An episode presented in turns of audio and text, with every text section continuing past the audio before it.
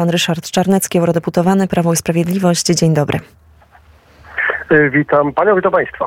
No i zacznijmy od komentarza dotyczącego uchylenia immunitetu czworgu europosłom Zjednoczonej Prawicy. Mowa oczywiście o um, pani Beacie Kępie, Beacie Mazurek, Patryk Jaki i także pan e, poseł Tomasz e, Poręba. Jaki komentarz? No zgroza. Za co?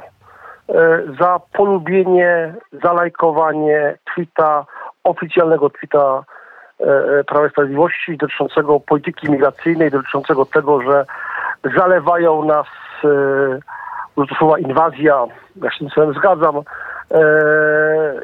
fale imigrantów, nielegalnych imigrantów z Afryki czy Azji. To jest wielki realny problem. Ci politycy na ich miejscu mogło być dwudziestu paru innych polityków Prawa Sprawiedliwości z Europarlamentu. Tak tak uważają, no to jest ewidentne łamanie wolności słowa, to jest cenzura.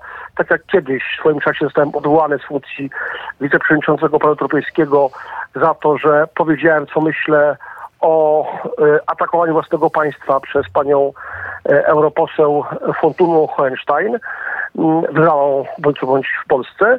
Tak samo teraz jest to słowa cenzury. Uwaga, no za to finalnie grozi wyrok e, do trzech lat więzienia, ale nawet e, sam wyrok w zawiasach tak zwanych, w zawieszeniu oznacza, że te osoby mogą e, po prostu przestać być europosłami, czy po prostu mogą nie wystartować, bo nie będą mogli w sensie formalno-prawnym do Europarlamentu, czy, czy do e, polskiego parlamentu, czy, czy nawet do, do Rady Gminy.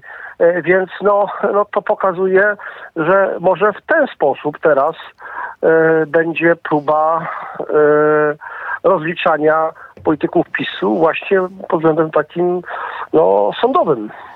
A proszę powiedzieć, czy no, no, oskarżeni eurodeputowani mają jakiekolwiek narzędzia, mogą jeszcze jakoś odwołać się albo w ogóle spróbować zawalczyć o, no, o sprawiedliwość pewnie w swoim, w swoim um, poczuciu? No w tej chwili, ponieważ został uchylony immunitet, to sprawa będzie się toczyć w Polsce. Wszystko będzie zależało od sądu. Sądu pierwszej instancji, jeżeli zostaną skazani, to na pewno się odwołają.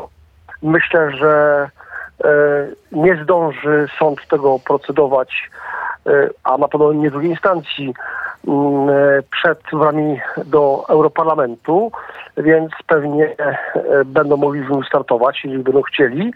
Natomiast no, generalnie jest to taki, taki sygnał, jakiej metody użyć, żeby, żeby no, e, można powiedzieć, zniszczyć, zniszczyć w sensie politycznym, e, po części ludzkim, e, po prostu e, polityków PiSu.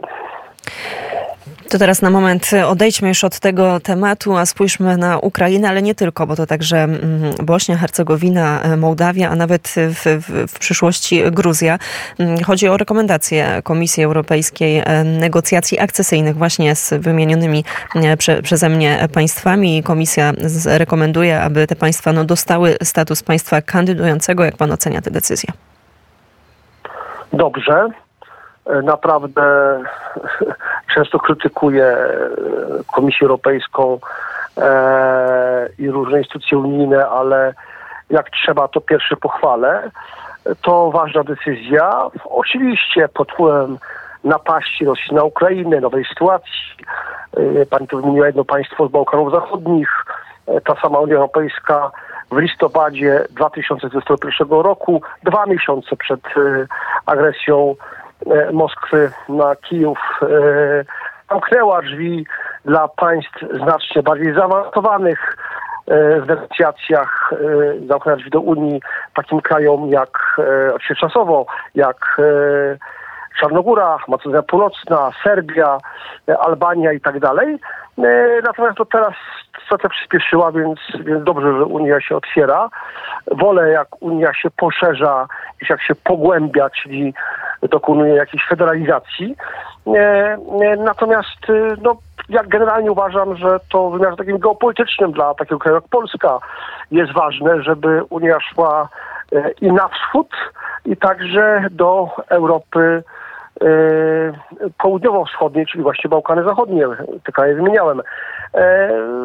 Uważam, że będzie optymalnie, jestem realistą, to raczej będzie przyszła dekada, przyszłe dziesięciolecie, nie te, jak te kraje do, do Unii przystąpią.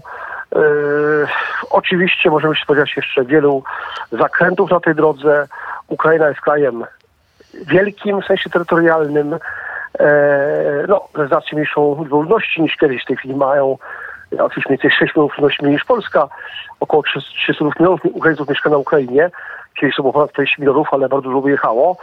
Nie tylko w okresie powojennym, ale także wtedy. Natomiast y, problem Ukrainy w tych negocjacjach członkowskich jest, jest to, że tacy duzi. Ja pamiętam, kiedy byłem europejskich lata temu, y, to w czasie prezydencji brytyjskiej pojechałem do Londynu i do mojego kolegi, partnera y, Ministerstwa Europejskich, Douglasa Hendersona, kiedy rozmawiałem, zapytałem się, no, co uważasz, DAC jest e, największym problemem mojego kraju w tych negocjacjach. On tak na mnie popatrzył, mówi size, no, to że właśnie, że jesteście tacy duzi.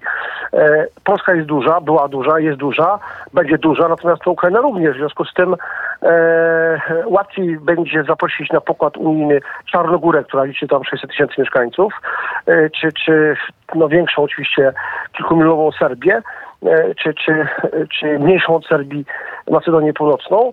E, natomiast no, tutaj co do Ukrainy no, to będzie dłuższa droga e, albo też przyjęcie niej na zasadzie politycznej, ale przy braku dostępu do wszystkich unijnych funduszy, wszystkich kranów finansowych, które Bruksela oferuje członkom.